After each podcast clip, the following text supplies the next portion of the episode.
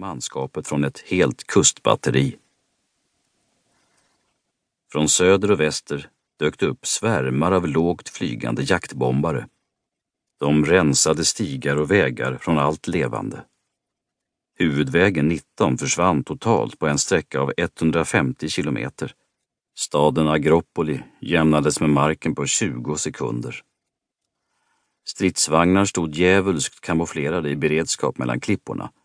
Grenadjärerna från 16 regementet låg tillsammans med oss i beteckning under de tunga vagnarna.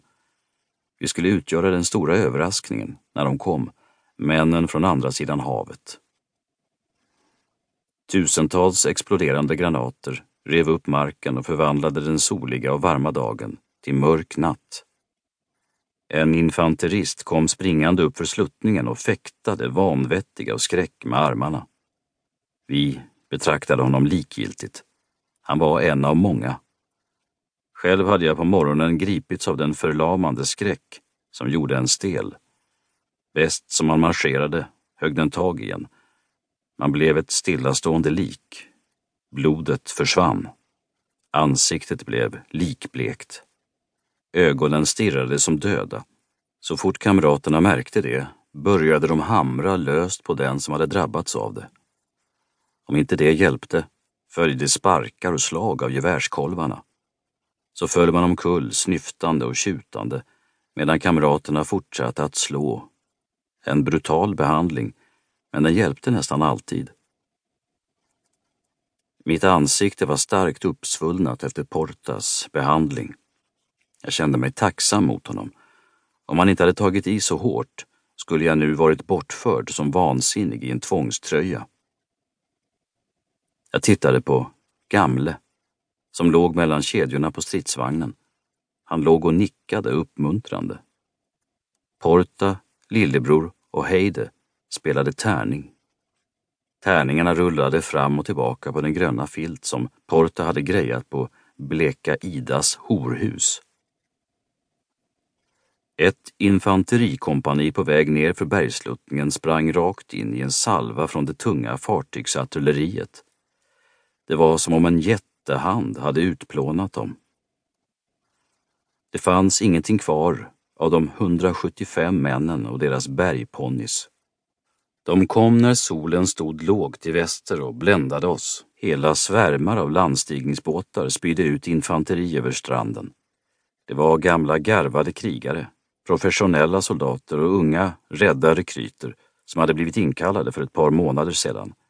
Bra att deras mödrar inte kunde se dem i detta ögonblick. Dantes helvete var ett paradis i jämförelse med vad de skulle kämpa sig igenom.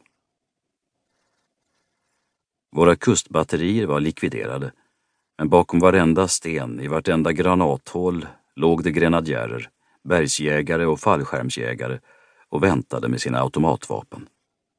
Lätta och tunga maskingevär, granatkastare, pansargevär, eldkastare, automatkanoner, karbiner, maskinpistoler, raketer, handgranater, gevärsgranater, minor, molotovcocktails, bensinbomber, fosforgranater. Ord, ord, ord. Men vad dolde de inte av fasa för en framstormande infanterist? Under beteckningen av fartygsartilleriet sköt de linor upp mot klipporna, klättrade upp för de svängande repen som apor och störtade virvlande ner från klipputsprången. Hela hopar sprang runt på den vita stranden medan fosforn förtärde dem. Stranden stod i lågor. Sand förvandlades till lava. Vi var tysta åskådare. Tills vidare var vi förbjudna att skjuta. Första vågen av landstigande var tillintetgjord. De kom inte fram 200 meter. En ohygglig syn för den andra landstigningsvågen, som kom efter. Även de brann upp, men nya horder infanteri välde i land. Tredje landstigningsvågen. Med vapnen högt över huvudet sprang de genom den skummande bränningen, kastade sig ner på stranden och hamrade löst med sina automatvapen. Men de kom inte en meter längre. Så kom jaktbombarna med fosfor och nafta. Vitgula lågor, höga som hus, sträckte sig mot himlen. Solen gick ner. Stjärnorna